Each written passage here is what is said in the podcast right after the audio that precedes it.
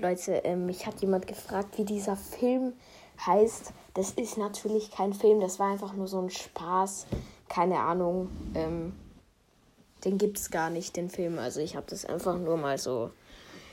Nur so mal gemacht. Keine Ahnung mehr. Ich wusste nicht, was ein Cover ich machen sollte. Und ich habe versucht, lustig zu sein. Auch wenn ich weiß, dass ich nicht lustig bin. Ja, das kommt dann halt heraus. Dann ist man noch hobbylo hobbyloser, als man eh schon ist.